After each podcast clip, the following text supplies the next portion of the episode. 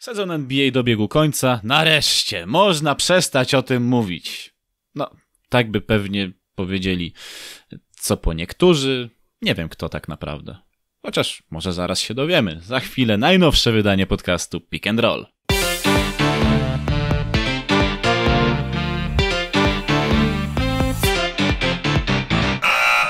To jest podcast Pick and Roll, specjalnie na hot take'u i tylko na hot take'u. Bartłomiej Misztal, witam wszystkich bardzo gorąco. 130 wydanie ulubionego koszykarskiego podcastu w sieci.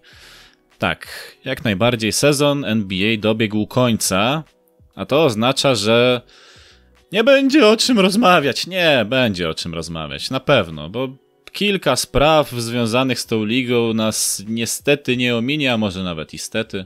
Kto wie, zależy jak to należy interpretować, ale wiemy, że rozgrywki w Europie nadal są, no póki co są, bo Euroliga ani myśli zamykać sezonu, po prostu przekłada spotkania e, w trudnych momentach, a Polska Liga ma się całkiem dobrze. I o tym i o paru innych sprawach porozmawiamy sobie w dobrze już wam znanym gronie. Ja już się przedstawiłem, a są ze mną Adam Fabisiewicz. Cześć Adam. Cześć. I Maciej Jankowski. Cześć Maćku. Cześć wam, cześć wszystkim słuchaczom. Panowie, tak e, musimy zacząć jednak od tej NBA, bo to nam nie daje spokoju. W zasadzie mistrza znamy. Ja wam muszę, muszę się wam do czegoś przyznać, że tak jak śledzę już NBA od dobrych e, wielu lat, tak e, ten sezon wyjątkowo mi się trochę dłużył, aż za bardzo i po prostu aż czekałem na moment, kiedy to się wreszcie skończy skończyło się, mogę odetchnąć, bo ten sezon jak żaden inny mnie tak nie zmęczył. Ale przechodząc trochę dalej, bo pewnie byście chcieli wyrazić swoją opinię na ten temat i oczywiście macie do tego prawo, będziecie mieli możliwość wypowiedzenia się, to co was najbardziej zaskoczyło podczas ostatnich kilku dni? Czy to, że Tyron Lu znalazł posadę, czy to, że Daryl Morey pożegnał się ze stanowiskiem generalnego menedżera Houston Rockets. A może coś innego was zaskoczyło? Może niech Adam zacznie.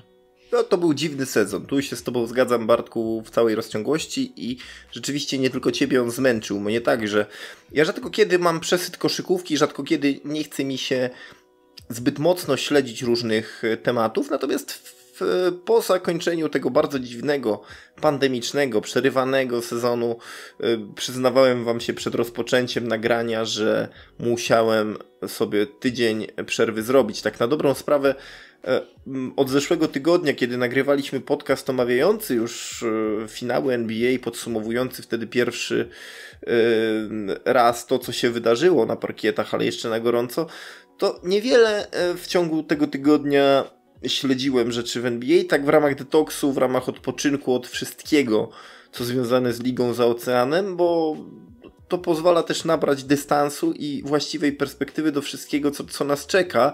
No ale NBA, jak powiedziałeś, Bartku, nie próżnuje, bo dzieją się sprawy pozaparkietowe i to dosyć istotne. Nawiązując już do Twojego pytania o Daryla Moreya czy Tyrona Lu. Jeżeli chodzi o Daryla Moreya, to wisiało w powietrzu, wydaje mi się. E, to nie on zrezygnował, to jemu kazano zrezygnować. Tak trzeba to czytać i to jest decyzja wynikająca w bardzo dużym skrócie chyba z tego, co się działo na początku tego dziwnego sezonu.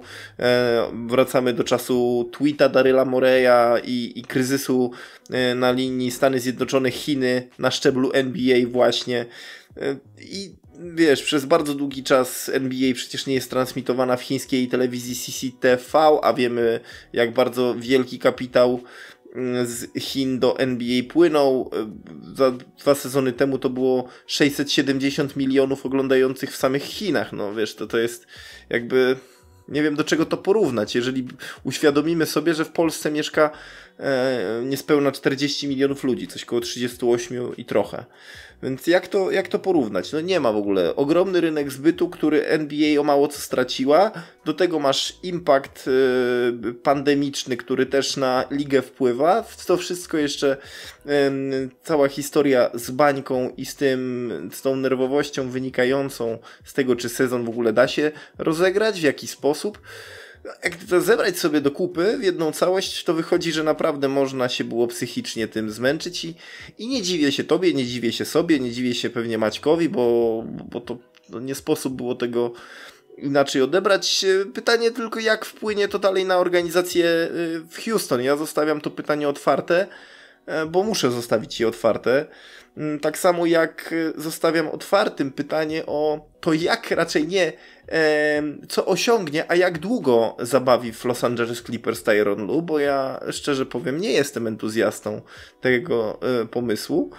No bo Tyron Lu też nie jest, nie jest wielkim e, trenerem. No, ma mistrzostwo NBA, owszem, okej, okay, ale ma je z LeBronem Jamesem, a to musi e, znaczyć troszeczkę inną perspektywę nabierzmy tej perspektywy i pomówmy o tym poważnie. Gadajmy zdrów o Tyronie Lu w Los Angeles Clippers, bo dla mnie to jest na razie trochę pomylony pomysł, może wyprowadzicie mnie z błędu. Ja nie będę cię wyprowadzał z błędu. Ale mogę ci piątkę przybić wirtualną. Bo problem był taki, że w momencie, w którym tutaj było takie boom na zwalnianie trenerów, wszyscy zwalniali, ale nikt nie brał pod uwagę, że tak naprawdę realnych, o wiele lepszych trenerów trudno jest znaleźć obecnie na rynku.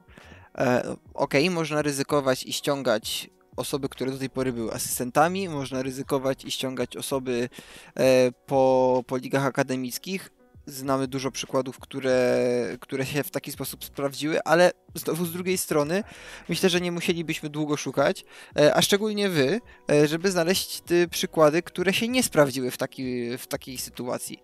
E, no i dla mnie dochodzimy troszeczkę do sytuacji, gdzie no, zwolnienie było konieczne, ale potem zatrudnienie kogoś sensownego, to już troszeczkę wchodzimy na inny etap. E, Tyron Lu na pewno będzie miał taki plus, że on będzie miał parę rzeczy do udowodnienia. On przede wszystkim będzie musiał udowodnić, że to jest trener z krwi i kości, a nie e, znajomy Lebrona, który został trenerem tylko po to, żeby Lebron mógł sobie rządzić drużyną. No tak, więc yy, ja w sumie nie mam nic więcej do dodania, jeżeli chodzi o Tyrona no to, bo... to jeżeli nie masz nic do dodania, to ja, ja co dodam coś do, do tego. Proszę żeby, bardzo. Żeby, żeby, żeby, jakby, żeby nie, nie oczerniać Tyrona, Tyrona Lu, albo żeby nikt nie pomyślał, że nie lubimy Tyrona Lu i go oczerniamy. No, spójrzmy na liczby. Tyron Lu jest trenerem pierwszym w zasadzie w trzech swoich sezonach. No nie wiem, czy liczyć ten czwarty sezon, no można to policzyć. No bo teraz spójrzmy tak. Obejmuje Cleveland w połowie sezonu 2015-2016 y, i od razu w tym sezonie zdobywa z tą ekipą mistrzostwo, mm, wygrywając z tych 41 meczów które z tą drużyną e, rozegrał, prowadząc ją jako trener. 27 meczów wygranych, 14 e, porażek. W następnym sezonie zasadniczym to jest 82 mecze prowadzone, 51 wygranych, 31 porażek. Całkiem przyzwoicie, więc no wydaje się przynajmniej na papierze całkiem nieźle. I następnie sezon 20, 2017 2000 18, czyli jakby ten trzeci w kolejności. Tu 50 zwycięstw, 32 porażki, czyli bardzo podobnie. Wszystkie te sezony oczywiście z LeBronem Jamesem na pokładzie. Należy o tym e, pamiętać. Wreszcie spójrzmy na sezon, gdzie LeBron James odchodzi. 2018-2019 e, LeBrona w ekipie z Ohio nie ma, i e, Cleveland zaczynają sezon bilansem 0 do 6. Po sześciu porażkach Tyron Lu zostaje zwolniony. Jakby mariaż Lebrona z Tyronem Lu jest symptomatyczny tutaj, czyli wiemy jak dużo znaczy Tyron Lu w, e, w sytuacji, kiedy ma Lebrona, ale kiedy już Lebrona brak, Tyron, Tyron Lu niknie i zdaje się wyglądać jak ten zagubiony chłopiec, nad którym przechodzi Allen Iverson w playoffach 2001 roku w finałach, e, gdzie wtedy Tyron Lu był zawodnikiem Los Angeles Lakers, co tak na marginesie, ale żeby była jasność mówiąc kolokwialnie, nie drełacha z Tyrona Lu, tylko po prostu nie daje mu legitymacji do tego, żeby prowadził tak mocną drużynę. Przecież chyba nadal mówimy o Clippers jako o drużynie, która ma e, aspiracje mistrzowskie. Czy ja się mylę? Czy, czy to już tak się wszystko zmieniło? Nie, no nadal są aspiracje mistrzowskie, bo przecież Steve Ballmer nie wydawałby pieniędzy od tako na dwóch zawodników na ich mocne kontrakty, tylko po to, żeby ludzie poczuli to, że ej, nie chcemy być gorsi od tych, którzy mają więcej, o wiele więcej mistrzostw niż my, którzy znaczą o wiele więcej niż my w tym samym mieście, my też chcemy coś znaczyć. Więc myślę, że nie to w głowie leży obecnie Steve'owi Bolmerowi. Nie to mu leżało w momencie, kiedy ściągał Kawaja Leonarda i Paula George'a między innymi do tej organizacji. Tylko teraz właśnie potrzeba odpowiedniego generała, ale swoją drogą asystentem ma być Chansey Billups. Czy to przypadkiem nie jest czy, bo nie przypominam sobie e, jakichś wielkich dokonań. Nie, jakby nie patrzeć Hall of Famera, mistrza NBA z Detroit Pistons. Szkoda, że nie z Minnesota. E,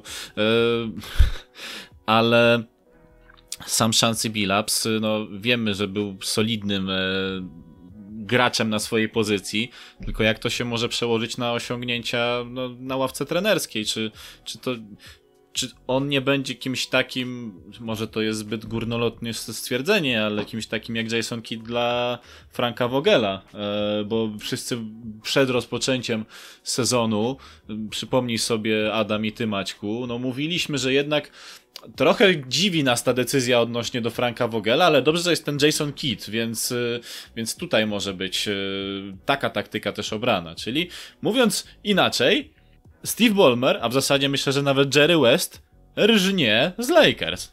Czy ja wiem? Znaczy, ja to przede wszystkim tak się teraz zacząłem zastanawiać, yy, co Chauncey Billups robił. On jako tutaj takich trenerskich, typowo asystenckich yy, nie miał yy, do tej pory chyba sytuacji, prawda? Bo on po zakończeniu kariery na pewno brał udział w Big Free. Um, Chauncey Billups był głównie analitykiem, Właśnie, on był analitykiem. telewizyjnym. I to jeszcze do tego telewizyjnym, a dobrze wiemy, jak e, bycie analitykiem telewizyjnym, że mimo wszystko sprowadza się do pewnych podstaw. E, dla mnie, ty, zresztą to jest normalne, trochę zaczynamy kręcić się w zamkniętym kręgu e, wśród tych osób i brakuje mi nowych twarzy. Brakuje mi nowych twarzy dla, tak, tak dla NBA pod względem tego, żeby nagle pojawił się ktoś, kto nie był zawodnikiem, kto nie pojawia się jako trener, bo po prostu jest ziomkiem zawodnika X, więc zostań trenerem, bo się z nim dobrze dogadujesz. Mm, wiecie, no na pewno nie na, taki, e, nie na takich zasadach był wybierany Brad Stevens do NBA jako trener. E, tego mi brakuje. Brakuje mi właśnie takiej postaci jak Brad Stevens, żeby któraś yy, z drużyn, czy to Houston, które miało taką okazję, e, czy to, e, czy to Brooklyn, w sumie też mieli taką okazję. Oni poniekąd wstrząsnęli, bo jednak Steve Nash jako trener to jest delikatny, e, delikatny szok. Czy to właśnie teraz Clippers stwierdzili takie, a może pójdziemy w drugą stronę, może znajdziemy kogoś i tak nie mają nic do stracenia, bo wiecie, Tyron Lu y, jest trenerem, dobrze wiemy jakim. I tu już y, parę, parę słów no, no o nim powiedziałeś, e, Adam, więc ja tutaj nie będę tego, tego tak naprawdę powtarzał, a ściągnąć trenera po albo trenera właśnie mówię po uniwersytecie, albo kto, kogoś, kto był do tej pory asystentem, ale bez tak naprawdę realnych szans do tej pory jako trener, czyli jako taką nową twarz jako trenera, e, czemu by to miało nie wypalić? E, przykład Johna Bilina pokazuje, że to nie wypala tak od razu. Niekoniecznie trener, który ma dobre um, przygotowanie do pracy z zespołami akademickimi, potrafi przełożyć, czy raczej charakterologicznie, czy stylem pracy, filozofią, zmienić swoje podejście do, i dostosować je do warunków panujących w NBA. Y, było dużo y, kontrowersji właśnie z przenosinami, readaptacją Johna Bilina do koszykówki w stylu NBA, że za dużo taśm, za dużo oglądania analizy materiału, za mało wdrożenia zagrywek w praktyce i tak dalej, więc to zawsze jest pewne ryzyko przejścia człowieka z uniwersyteckiej koszykówki na koszykówkę e, NBA. Oczywiście są egzemplarze, są postaci, które tak czy owak by sobie na pewno poradziły w NBA, no, że rzucę tylko nazwiskami, nie wiem, oczywistymi, Johna Calipariego, Majka Krzyżewskiego, e, Marka Few, mm, czy, czy pewnie, nie wiem, Toma Izo, no to są takie nazwiska, które pewnie by się świetnie w NBA sprawdziły, ale z drugiej strony, no oni nie odchodzą skądś,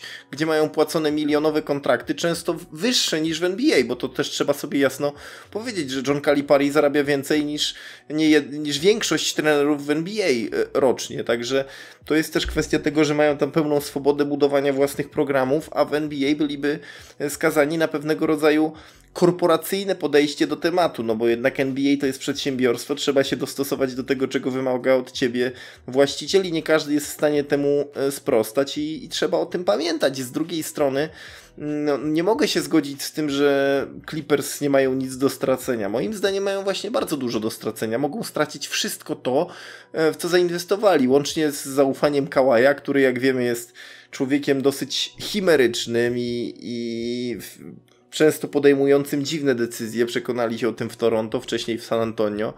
Więc Clippers z drugiej strony nie mają tak dużo czasu z tym składem, ale, żeby ale coś osiągnąć. Po, pozwól, że ci wejdę w słowo.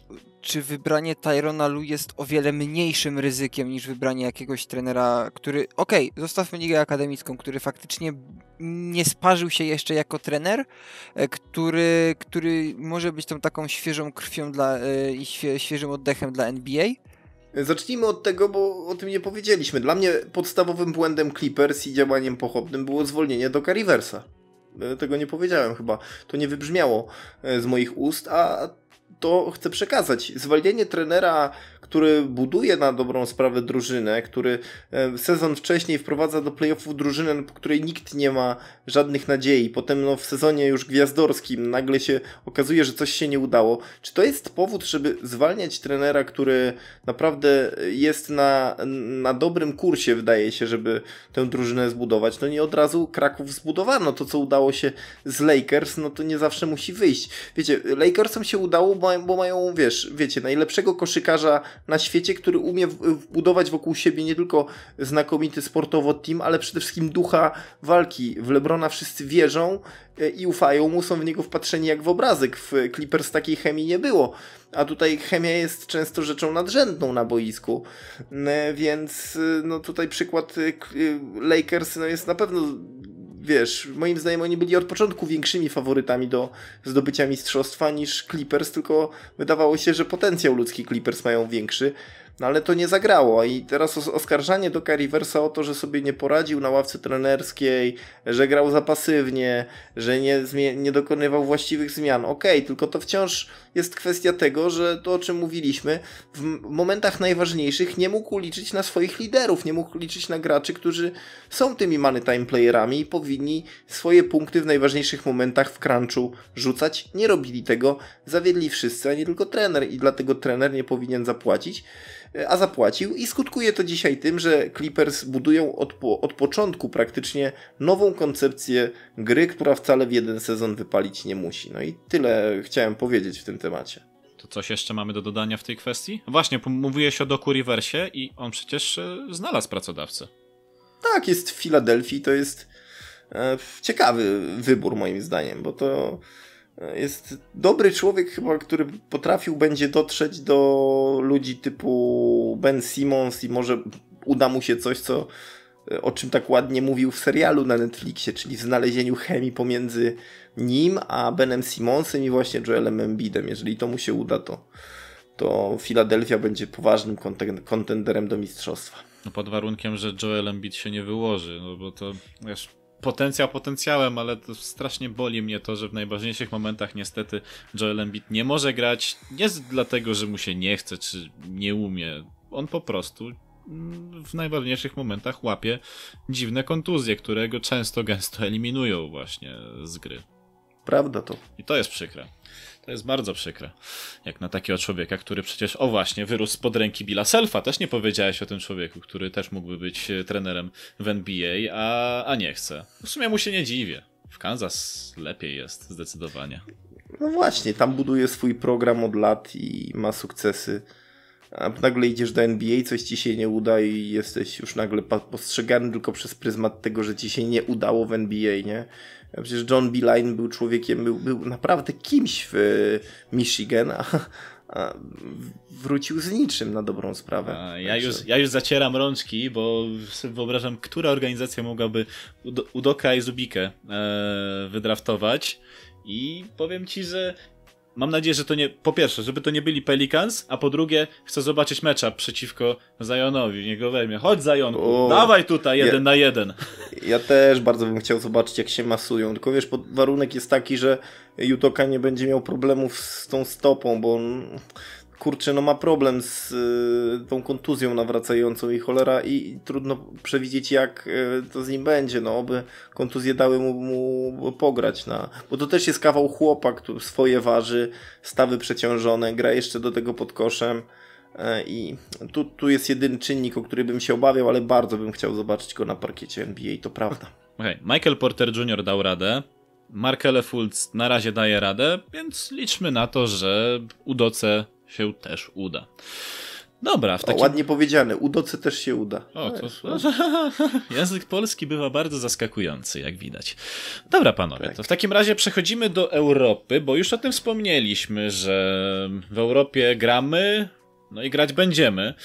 To myślę, że można zacząć spokojnie od Euroligi, bo tutaj już mamy przed sobą piątą kolejkę, trochę opóźnioną, ale to jest spowodowane oczywiście pozytywnymi wynikami testów e, na obecność koronawirusa w poszczególnych drużynach. Już jest kilka zapytań o to, żeby przełożyć niektóre spotkania, ponieważ e, nie każda drużyna ma możliwość e, wysłania na mecz co najmniej 8 zawodników, czyli tyle, ile jest w regulaminie wpisanych zawodników, którzy po prostu muszą być, żeby drużyna mogła podejść do spotkania. Z tym dylematem borykają się odpowiednio, z tego co pamiętam, Zenit, Alba Berlin i Aswell e, Lyon Villerban. Bo no, w przypadku Berlina to wiemy, że tam po prostu jest bardzo dużo w przypadku zachorowań i nawet między landami jest problem, żeby ludzie przenosili się z jednego miejsca na drugi. Zenit już miał ten problem bodaj tydzień temu, e, a jeżeli chodzi o Lyon, no to wiadomo, też e, problem natury e, ludzkiej. Miejmy nadzieję, że tych zachorowań nie będzie więcej, ponieważ nie wiem, czy zwróciliście na to uwagę, ale w rundzie piątej w piątek o 21 czeka nas 27 El Clasico w historii Euroligi. Wpalał Blaugrana, mm, czyli w hali, w której gra FC Barcelona Lassa. No i rywal oczywiście Real Madryt.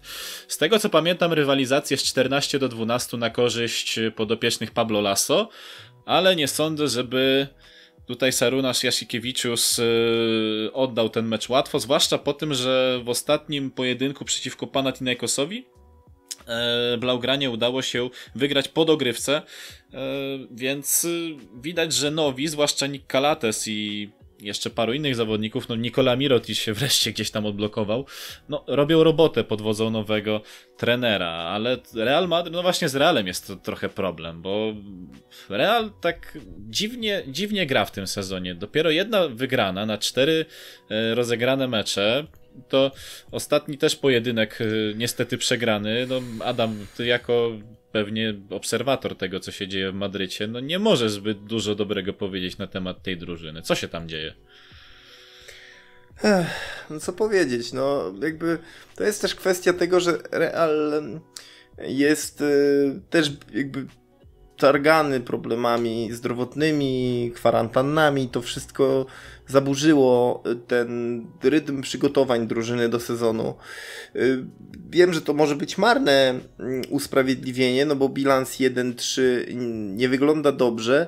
Y, całe szczęście dla Madrytu y, jest takie, że sezon jest długi, dru drużyny będą miały przed sobą naprawdę dużo kolejek, żeby móc się wydźwignąć i myślę, że Real też będzie mm, się powoli rozkręcał, no pod warunkiem, że ta maszyna zatrybi jak należy, bo, bo na razie to ani w lidze, ani w Eurolidze to, to, to, to, to nie wygląda dobrze, nijak w, w zasadzie. Więc, y, ale dopiero czwarty mecz. Myślę, że y, spotkanie z Barceloną to jest znakomity matchup na przełamanie. To jest taki mecz, którego się nigdy nie odpuszcza i nawet jak masz jedną nogę kontuzjowaną, grasz ze złamaną kostką, to, to i tak zagrasz. A rywal mobilizuje zawsze, więc no to jest największy problem Madrytu. Ja bym się nie doszukiwał tam mm, niczego poza tym, jakichś problemów taktycznych, czy, czy motorycznych, atletycznych. Nie, nie, to są raczej kwestie związane z brakiem rytmu, który no, trudno jest, szczególnie w rzucie na dystansie, który Real zawsze miał dobry, miał bardzo mocny ob obwód.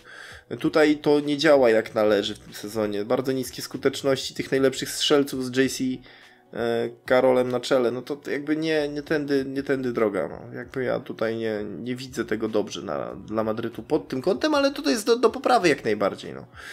Tyle, że czasu też nie ma za wiele, bo to nie może trwać zbyt długo. Piąta kolejka to dobry moment, żeby się przełamać i zacząć budować dodatni bilans. Na to, na to liczymy, chociaż jak tak popatrzy się człowiek na tabelę po, po czterech kolejkach, to mamy jedną drużynę, która jeszcze nie zanotowała porażki. No, nie mówię tutaj o Zenicie, który dopiero dwa spotkania rozegrał, ponieważ dwa zaległe mecze jeszcze czekają na drużynę, w której kapitanem jest e, Mateusz Ponitka ale Żargilis. Żargilis, który pozbył się, znaczy nie pozbył się, odszedł stamtąd Szarunas Jasikiewicius, e, dostając ofertę z innej drużyny, a nowy trener, Martin Schiller, jak na razie prowadzi Żargilis do czterech zwycięstw pod rząd i no, wygląda to dosyć obiecująco, zwłaszcza, że za nim jest Bayern, na których jakoś tak w zeszłym sezonie nie dało się za bardzo patrzeć. E, nie wiem, czy to była kwestia tego, że Greg Monroe po prostu grał totalny piach e, pod koszem. Ale jak, jak na początek sezonu wygląda to całkiem nieźle. Olimpiakos trzeci, Olimpia Milano czwarta z dużą dozą weteranów, ponieważ y, no, tam nie gra e, już co prawda Luis Scola, ale Sergio Rodriguez przeżywa drugą młodość. On jest jednym z najlepszych strzelców jak na ten moment e, w, obecnych rozgrywkach Euroligi. Średnio 25 punktów na mecz. To jest bardzo dużo. Według mnie to jest naprawdę bardzo dużo, zwłaszcza na takiego doświadczonego gracza, jakim bez wątpienia jest Sergio Rodriguez. Do tego dochodzi jeszcze postać e, Kyla Heinza, weterana parkietów e, Euroligi, wieloletniego kapitana CSK, mistrza e, zarówno Ligi VTB, jak i Euroligi, właśnie z tą drużyną, który na stare lata postanowił zmienić otoczenie, pojechać do Mediolanu. To samo Luigi Datome, też dobry duch doświadczenie mistrzowskie, jakby nie patrzeć, bo to też mistrz Euroligi z 2017 roku, jeszcze wtedy jak e, drużynę prowadził e, wielki Żeliko Obradowicz, e, więc można powiedzieć, że Ettore Messina ma bardzo bardzo dobry skład, chociaż wydawało się, że zebrał samych leśnych dziadków i nie wiadomo jak sobie poradzi. No ale no, kurczę, człowiek, który brał lekcję u samego Grega Popowicza, no nie może być słaby, a poza tym to człowiek, który ma cztery tytuły Euroligi też nie może być słaby, więc jak na razie przód tabeli prezentuje się ciekawie, no gorzej z tym dołem, no bo jak się patrzy, że 15 jest Real, 14 na dolu Efes, które miało dzielić i rządzić w poprzednim sezonie, to się robi tak trochę nieciekawie, tak przykro trochę. Tak, to można tylko kontynuować to, co mówiłem, że liczyć na to, że ci wielcy się jednak obudzą, rozkręcą i odpalą, no bo co tu dużo mówić. E, pamiętam taki artykuł, czytałem na e, marka.com, bodajże właśnie e, Shane Larkin udzielał wywiadu przed sezonem, że on, on, on liczy na powrót do NBA, ale tylko jeśli dostanie jakąś sensowną propozycję. Chyba takiej sensownej propozycji nie dostał, ale być może gdzieś to NBA ciągle kołacze mu się w głowie i myśli o niebieskich migdałach, można by tak pół żartem, pół serio powiedzieć, bo nie wygląda to dobrze na razie, ale miejmy nadzieję, że się rozkręci w końcu. No słuchaj, w finałach konferencji grał z Bostonem, jako zmiennik już nie pamiętam nawet kogo, ale grał, więc yy, może ktoś mu zaproponuje umowę. Chociaż, wiesz co, jak tak przychodzisz do Europy i osiągasz sukces, to czy chce ci się już wracać do NBA? To wiesz, no, są tacy, którzy mówią, że zawsze chcą grać w NBA. Przykład Brada Wanamakera chociażby, który wydawało się, że bez, bez, bez nadziei żadnej, z bardzo jakimś niskim pikiem idzie do NBA, w końcu zostaje wybrany przez Boston Celtics i gra w sumie ważne e, minuty w, w playoffach. Także słuchaj, nigdy nie wiadomo, kiedy nadarzy się twoja okazja, jakie sytuacje się wydarzą, więc, więc koszykarze zawsze chcą grać w NBA, no bo to jest ta najlepsza liga świata, no ale nie da się ukryć, że e, w Europie Larkin jest absolutną gwiazdą, więc wydaje się, że to tutaj naturalny kierunek powinien być dla niego utrzymany. No, miał okazję na tytuł mistrzowski, nie udało się e, w sumie dwa lata temu? Nie, rok temu. Rok, rok temu. Rok sezonie. temu. No właśnie, rok temu. Rok temu Anadolu grało w finale przeciwko CSK. No ale on jest jeszcze, jak to się mówi, młody jest, całe życie przed nim. tak to się mówi. Maćku, ty w sumie przyglądałeś się temu, co się dzieje w koszykarskiej Lidze Mistrzów. No, znaczy w zasadzie się, znaczy w zasadzie się nic, nic nie dzieje, będzie się dopiero dziać. Wiemy. Znaczy, e, inaczej. No. Coś się dzieje, w takim sensie coś, e, że zrezygnowano z tych takich przepotężnych ośmiodrużynowych grup. To już jakiś czas temu, ale nie pamiętam, czy o tym wspominaliśmy, więc zacznę od tego.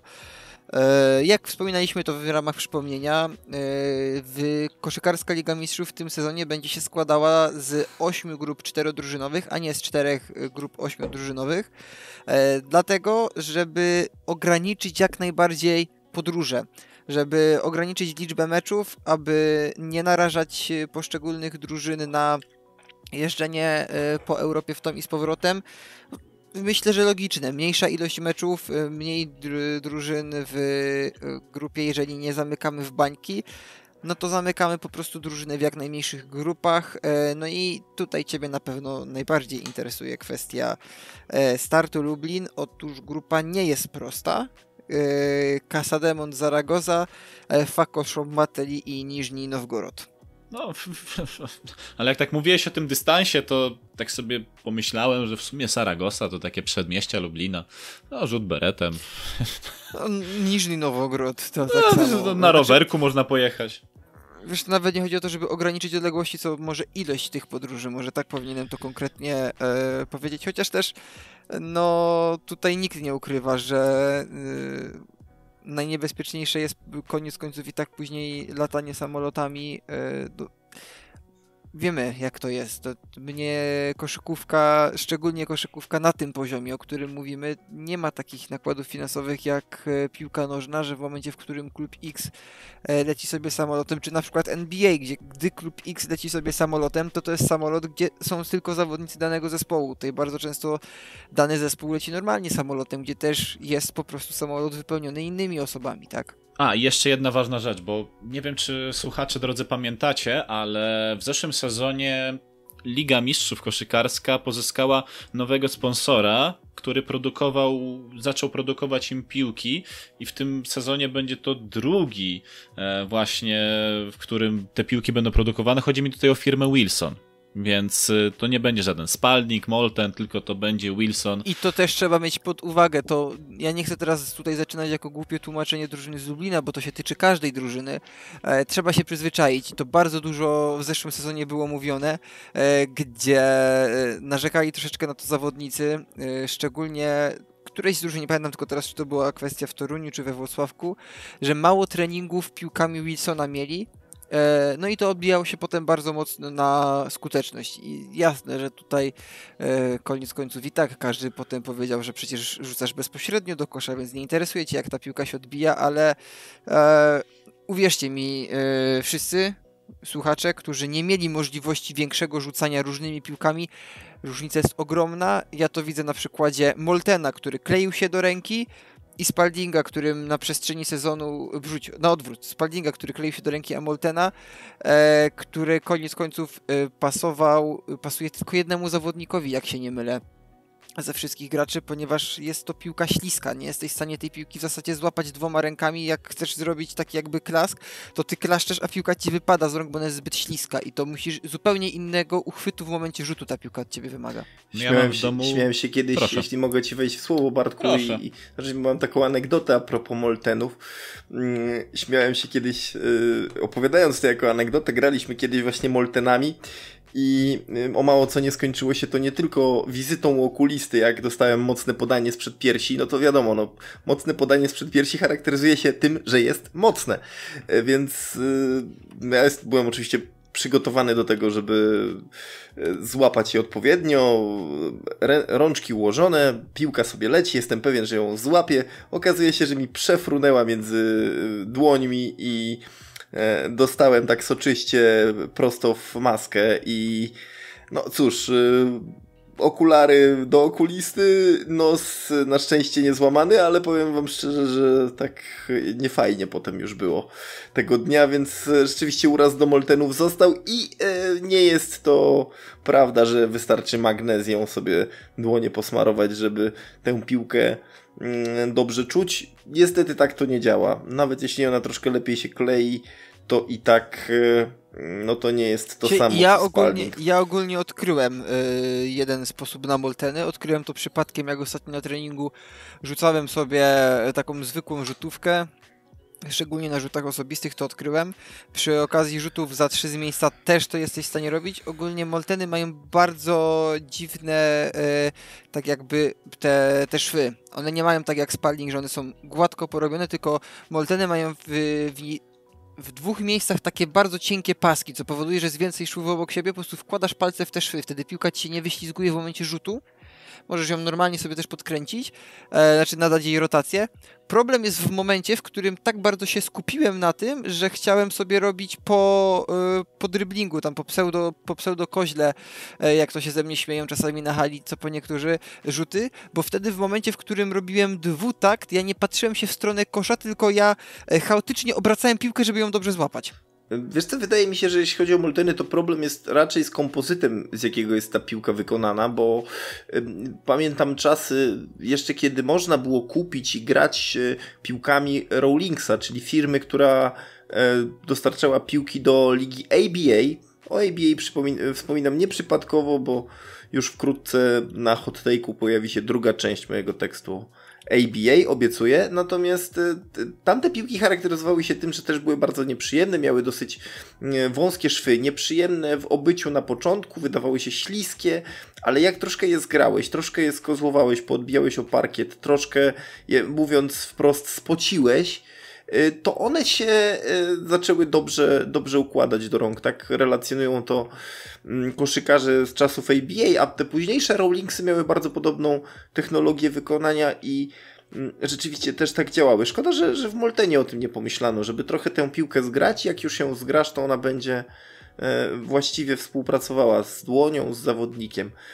E, nie wiem, czy coś się może w tej kwestii zmienić. Co do Wilsonów, to tutaj już to już jest solidna firma. Wydaje się, że te piłki akurat nie powinny stanowić większego problemu dla, problemu dla koszykarzy, bo przecież Wilsonami, Bartek przypomnij mi, ale przez lata grało się w koszykówce akademickiej, zarówno u pani, jak i u panów. Chyba nadal się gra. Chyba mi się wydaje, że nadal się gra. No właśnie. A na pewno gra się w koszykówce 3 na 3 Wilsonami, bo mam takiego Wilsona w domu. Tak. No ogólnie z kwestii y, Wilsonów jest y, problem y, tego, że właśnie oni są dość mocno skupieni na rynku, byli przez długie lata. Amerykańskim. Na rynku amerykańskim, tak jest. I tutaj w momencie, w którym były dyskusje, mm, gdzieś czytałem takie a propos nowej piłki, e, tego jak Molten wchodził i ktoś rzucił, że już jak bardzo chciała Polska Liga zmienić piłkę, to czemu nie na Wilsona?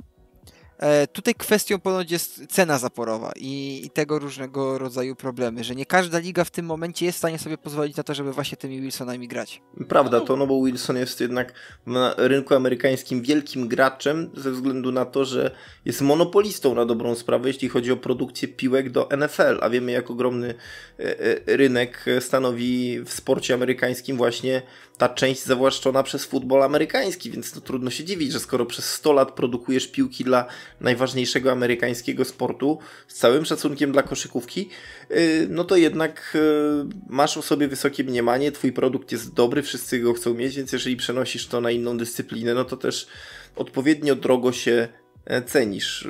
Takie prawa rynku, chociaż, e, chociaż wydaje się, że, że tutaj licho nie śpi, konkurencja też nie i chociażby Nike będzie miał dużo do powiedzenia w Europie, bo były takie sezony, gdzie w Eurolidze grano e, Nike'iem e, takim euroligowym, dwukolorowym, pamiętacie, takim pomarańczowo-brązowym mhm. bodajże. E, I to z powodzeniem, bo tego Nike'a sobie drużyny chwaliły w Europie. No, tylko że no, Nike teraz zamknął się chyba tylko i wyłącznie w produkcji piłek, które możesz sobie od tako kupić, bo nie, nie wydaje mi się, żeby jakakolwiek liga e, miała Nike'a u siebie i grała e, tą piłką akurat y, w trakcie spotkań. Może się mylę, jeżeli słuchacze y, nasi wiedzą cokolwiek y, więcej, to prosimy o, o kontakt, to wtedy poprawimy to w następnym podcaście. W sumie... Ja bym chciał jeszcze tylko a propos Ligi Mistrzów. To, to, to za chwilę, tutaj... bo, to za chwilę, bo jeszcze okay. chciałem podtrzymać temat Wilsona, bo to akurat Dobrze. Adam może potwierdzić, że Wilson nie tyle produkuje piłki koszykowe i też nie tyle produkuje piłki do futbolu amerykańskiego, co też produkuje rakiety tenisowe i osprzęt dla tenisistów. A to oczywiście to od lat. To jest jakby druga, mm, druga gałąź sportowego sprzętu obok właśnie e, piłek i, i sprzętu dodatkowego dla futbolistów amerykańskich, to właśnie drugą główną gałęzią Wilsona były rakiety tenisowe, które przez lata y, mierzyły się z marką Prince na rynku amerykańskim. No ale Wilson jednak jest mocniejszym graczem i, i, i Wilsonami wielu, wielu zawodowych tenisistów dzisiaj gra y, z powodzeniem. Tenisistów i y, tenisistek. Natomiast tak, to już chyba tyle, co chciałem dodać. Natomiast teraz Maćku oddaję Ci głos w Właśnie. sprawie Ligi Mistrzów. Proszę. W sprawie Ligi Mistrzów, bo y, dzisiaj ja bardzo chętnie tutaj przekażę ulubioną kwestię z ostatnich tygodni Bartka, że y, przypominamy, że podcast nagrywamy dzień wcześniej. E, czyli jest to o tyle istotne z takiego powodu, że najprawdopodobniej, jeżeli słuchacie tego na żywo, w tym momencie trwa, e, trwa mecz Pszczółki Star Lublin mm, z właśnie drużyną Casademont Zaragoza. Co ciekawe, Zaraz po tym, jak e, skończycie słuchać naszego podcastu, e, można wybrać się na e, YouTube'a Koszykarskiej Ligi Mistrzów, ponieważ ten mecz będzie transmitowany na żywo na YouTubie. Będzie, jest, można go później będzie oczywiście też obejrzeć. No, teraz jak my tutaj rozmawiamy, a z perspektywy nas wczoraj dwa pierwsze mecze, jak się nie mylę, to jest Teneryfa, Iberostar Teneryfa z Bakken Bears i Bears. Dijon Bears, przepraszam, i Dijon gra właśnie, z kim Dijon gra? Skere, Skerawnos, tak to się powinno czytać, tak tutaj y, troszeczkę chaotycznie mi strona zaczęła skakać. E, te dwa mecze są na początek. Ja tutaj myślę, że na ten moment chyba nic więcej o tej koszykarskiej Lidze Mistrzów nie wspomnimy. Ja mogę sobie sam na siebie nałożyć takie zadanie domowe.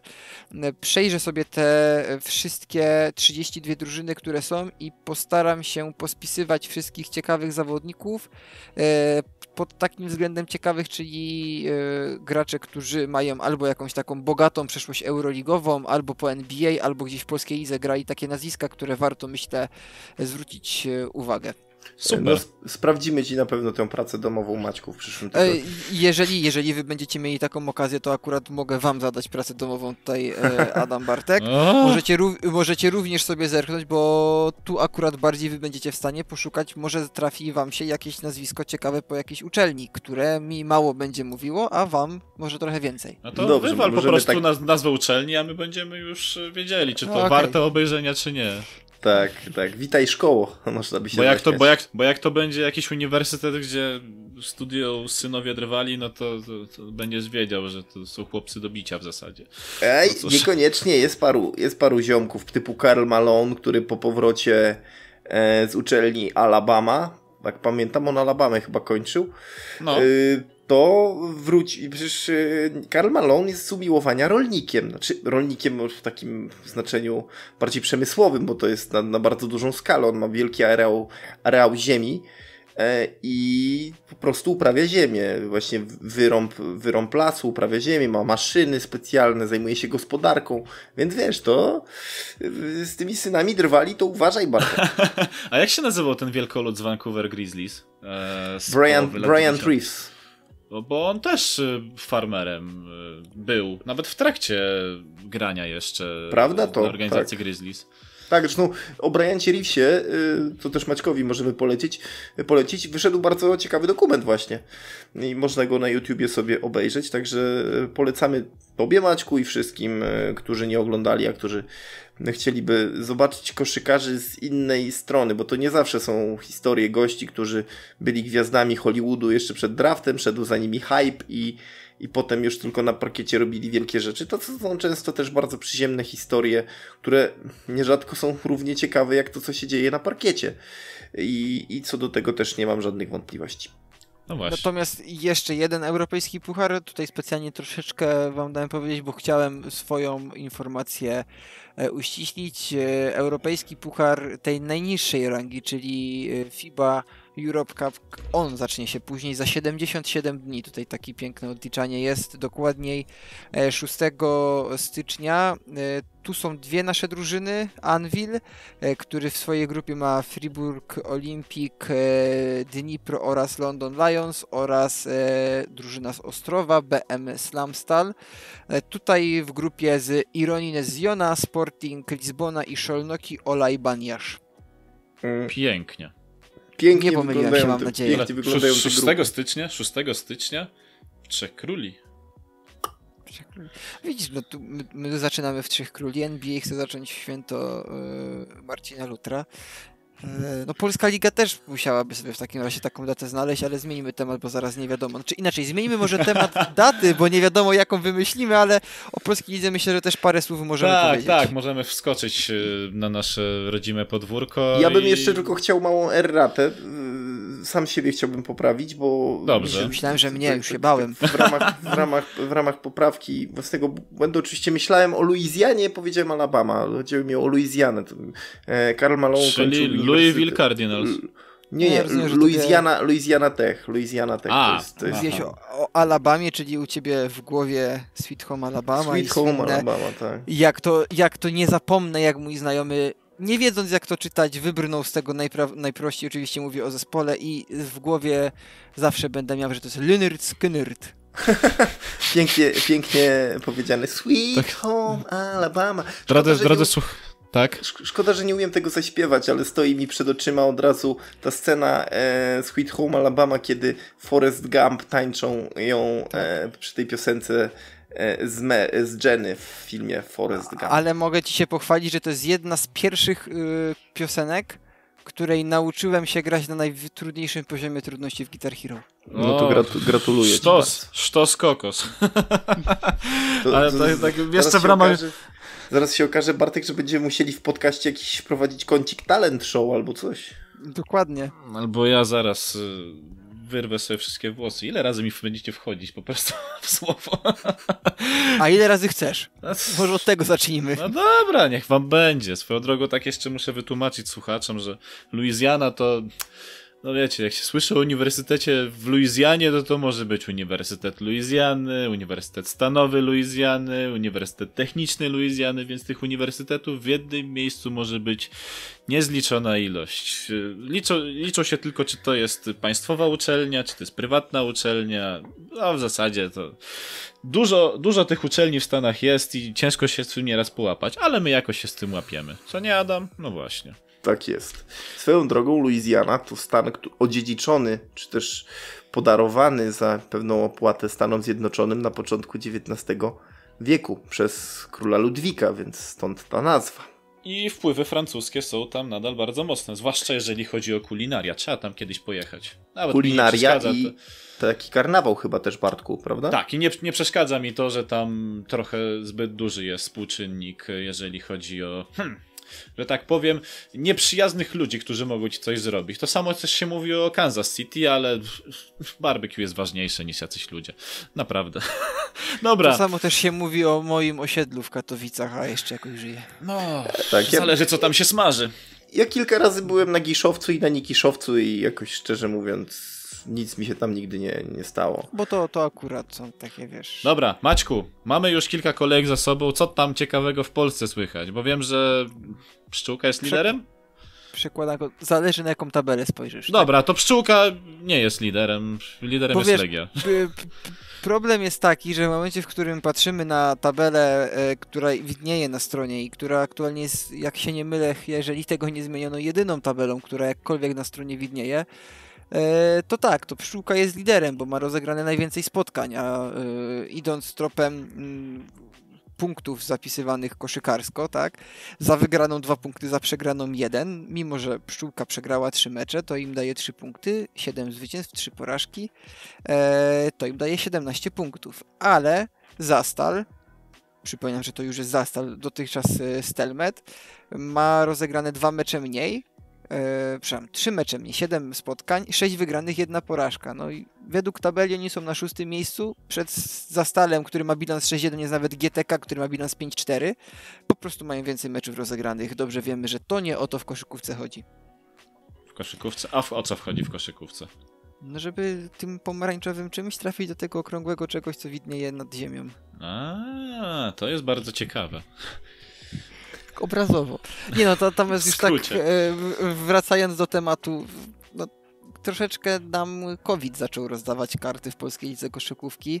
E, gdzieś tutaj ta, ta druga e, fala była o tyle przewidziana, też właśnie dlatego rozpoczęcie sezonu było na tyle szybko, żeby mieć możliwość przekładania spotkań. Ostatnio na kwarantannie był Anvil, MKS, Ostrów, jak się nie mylę, Śląsk Wrocław i Spójnia chyba również była na kwarantannie. Tam na pewno były przypadki, ale czy cała drużyna była na kwarantannie? Chyba tak, ale nie jestem pewien. No po ilości meczów widać, że Spójnia ma 7 rozegranych, tak. Anvil ma 7, Śląsk ma 6, więc by się zgadzało. E, no i e, jak z tego wybrnęła liga? No bardzo prosto. W momencie, w którym na przykład y, taki, taka drużyna z Gliwic miała zagrać z Ostrowem, ale Ostrów był na kwarantannie, y, to żeby nie robić wolnego weekendu, drużynie z Gliwic i żeby drużyna z e, Lublina nie miała wolnego weekendu, która też akurat miała zagrać kolejkę z jedną z drużyn, która wylądowała na kwarantannie, to mecz e, z grudnia został szybko przełożony na miniony weekend i został rozegrany. Ja myślę, że to jest bardzo dobre rozwiązanie. Jeżeli jest tylko taka możliwość, żeby tymi meczami w taki sposób szachować, oczywiście to nie może być tak zrobione, że ej, chłopaki, dawajcie, zbierajcie się na drugi koniec Polski, bo jutro gracie. Jeżeli jest możliwość te 3-4 dni, żeby drużyna na spokojnie mogła też się przygotować do, do, do przeciwnika, z którym ma zagrać, e, jak najbardziej myślę, że takie rozwiązanie jest dobre. Mm, a już jak się skupimy bezpośrednio na tym, jak drużyny grają, no w końcu wygrywa polski cukier Toruń. E, Anvil trudno mi cokolwiek powiedzieć. Naprawdę. Po, po, pozbyto się e, Baseja. E, miało być super. No, mecz z Toruniem przegrany, mecz derbowy z Toruniem przegrany. E, tutaj e, troszeczkę dyspozycja dnia Almeidy też zadecydowała, który miał 1 na 10 z gry. No, jeżeli twój lider trafia 10% rzutów z gry, no to no nie oszukujmy się, to jest pewna kula u nogi w danym meczu. E, no a oprócz tego dalej gdzieś na szczycie zaskakuje Legia Warszawa, ale jak wspominamy o Legii, myślę, że bardzo ważna informacja, mm, no wybywa z tej Legii, wyfruwa e, Michał Sokołowski. To było do przewidzenia niestety. Do, było to do przewidzenia, teraz pytanie po prostu, jak tą y, dziurę załatać. I tak Legia jest w dobrej sytuacji. E, bilans 7-2 na początek sezonu. E, no, Adam, mimo wszystko, ja myślę, że taki bilans brałbyś w ciemno przed sezonem. Ja nawet wymarzyć bym sobie tego nie mógł, Maciek. Nawet w najśmielszych snach y, bym nie myślał, że Legia zacznie w ogóle od 5-0, bo to było 5-0 na początek przecież. I potem masz 7-2 bilans. To jest w ogóle jakiś kosmos jak na tę drużynę. Ja wierzyłem bardzo w, w trenera Wojtka Kamińskiego i w jego myśl szkoleniową i w to, co może zrobić z tymi chłopakami. No były te wzmocnienia, wiadomo, Michał Sokołowski.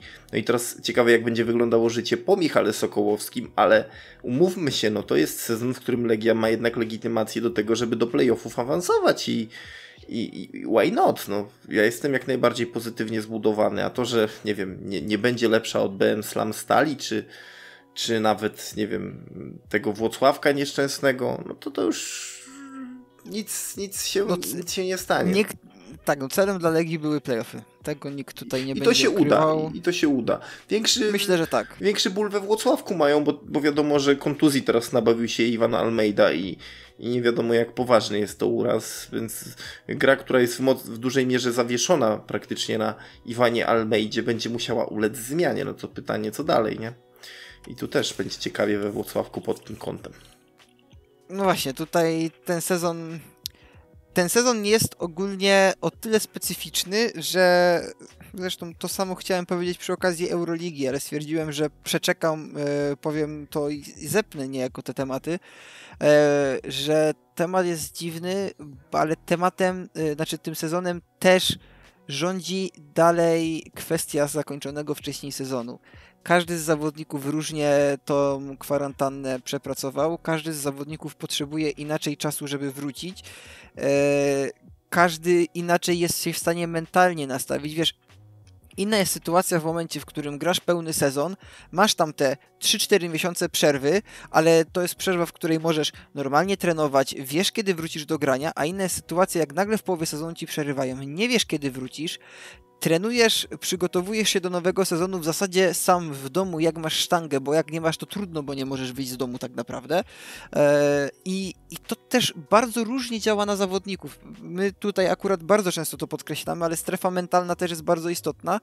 I myślę, że ten sezon może jeszcze obfitować w naprawdę wiele bardzo ciekawych i nie wykluczam, że zaskakujących rozwiązań, bo e, ten tref, który jest wysoko, King Szczecin, który jest wysoko, GTK, które w końcu chce się dostać do playoffów, e, bardzo ciasno będzie, e, specjalnie patrzę tutaj w górę tabeli, no ale na dole też ja osobiście, szczerze, z całego serca wierzę w to, że tutaj jeszcze na dole będzie się sporo działo bo ok, MKS zaczął od 0,6, Polfarma jest 1,7, Hydrotrag jest 2,6, ale e, jeszcze Enea jest 2,6, yy, tylko że jeżeli, słowo klucz, jeżeli, ja nie mówię, że na pewno, jeżeli MKS ruszy, jeżeli MKS e, z nowym zawodnikiem e, Tenisem Cizauskasem e, zacznie grać to, czego od nich wymagano, tutaj na dole tabeli, a przypominam, że jedna drużyna tylko spada, również będzie bardzo ciekawe. Prawda to. I tylko to zaostrza mój apetyt jako kibica Legii na to, co się może wydarzyć, bo Legia rzeczywiście może ciekawe rzeczy zrobić, a i pozostałe drużyny za plecami tych faworytów mogą wiele e, osiągnąć i wiele zyskać dzięki temu, że ten sezon jest jednak inny, dziwny i nieprzewidywalny do końca. I takie sezony lubimy i oby to było jak najdziwniej się tylko da. No bo jeżeli jest taka rutyna, to wiecie, to, to nie jest nic przyjemnego. Ileż można jeść tego samego kotleta? Ile razy można oglądać Anvil na, na szczycie, co nie? No właśnie, a w tym momencie mamy Legię, Pszczółkę, Trefl. Kiedy ostatnio Trefl był na szczycie? No, aha, nawet najstarsi Indianie nie pamiętają. No dobra, Adam pamięta. Ja pamiętam. O, to, to, wiesz, pytanie teraz, to wejdę w ulubiony temat, który raz na jakiś czas musi wyskoczyć na ile to Trefl był na szczycie, a na ile to drużyna, która nazywała się Trefl była na szczycie, bo z tego co ja się nie mylę, to e, oficjalnym spadkobiercą aktualnie wszelkich tytułów jest Aseko Arka Gdynia, czy Tref Sopot, bo ja już się gubię ciągle, chyba Arka, Aseko nie, Arka Gdynia. Aseko Arka Gdynia, no ale tam był, był taki pewien moment, był bo to, bo to było tak, że jeszcze wtedy to był Procom Trefl Sopot, potem klub przeniesiono do Gdyni i jakby na podwalinach yy, Sopotu budowano, budowano Gdynię, ale to już był ten mocny trefl, to już, to już był tamten trefl, to był mocny trefl, który później yy, już chyba w treflu wtedy grał Ruben Wołkowyski, potem yy, drużyna już grała w europejskich pucharach, potem stał się Gdynią, Quinteluz i całą tę historię już potem dalej znamy. No ale bez tamtego trefla, jeszcze z Przemysławem Frasunkiewiczem między innymi, no to byśmy nie mieli później Aseko e, Prokomu Gdyni, więc wiecie, i potem samej Aseko Gdyni, Arki Gdyni i tak dalej. No więc to się wszystko zazębia. Bez, bez Prokomu nie byłoby Arki, można by powiedzieć. No właśnie, bez budulca nie ma pałacu, a bez pałacu... Nie ma króla. Nie, nie ma pałacu. Okay, wszystko, myślałem, wszystko ma swój związek przyczynowo-skutkowy. Asterix myślałem, mi się przypomniał. głębsza myśl za tym idzie, a ty komiksami mi tu cytujesz. No dobrze. Nie, to akurat zasługa Bartosza Wierzbięty. Swoją drogą świetny polonista i świetny tłumacz. Myślę, że myślę, że postać ci doskonale znana. Zdecydowanie tak. Dobra, no to w takim razie kończymy to 130 wydanie podcastu Pick and Roll, bo już y, czas y, goni. Za tydzień będziemy mieli o wiele więcej do powiedzenia, bo na pewno będzie się działo przez najbliższy tydzień. To już wiemy. Jeszcze raz przypominam, 21 w ten piątek El Clasico, jeżeli oczywiście go nie przesuną. Barcelona kontra Real. Warte obejrzenia. A moimi gośćmi byli Adam Fabisiewicz, dzięki Adam. Dzięki. Maciej Jankowski, dzięki Maćku. Dzięki wielkie. A prowadziłem to wszystko ja, czyli Bartłomiej Misztal. Dziękuję wszystkim za uwagę.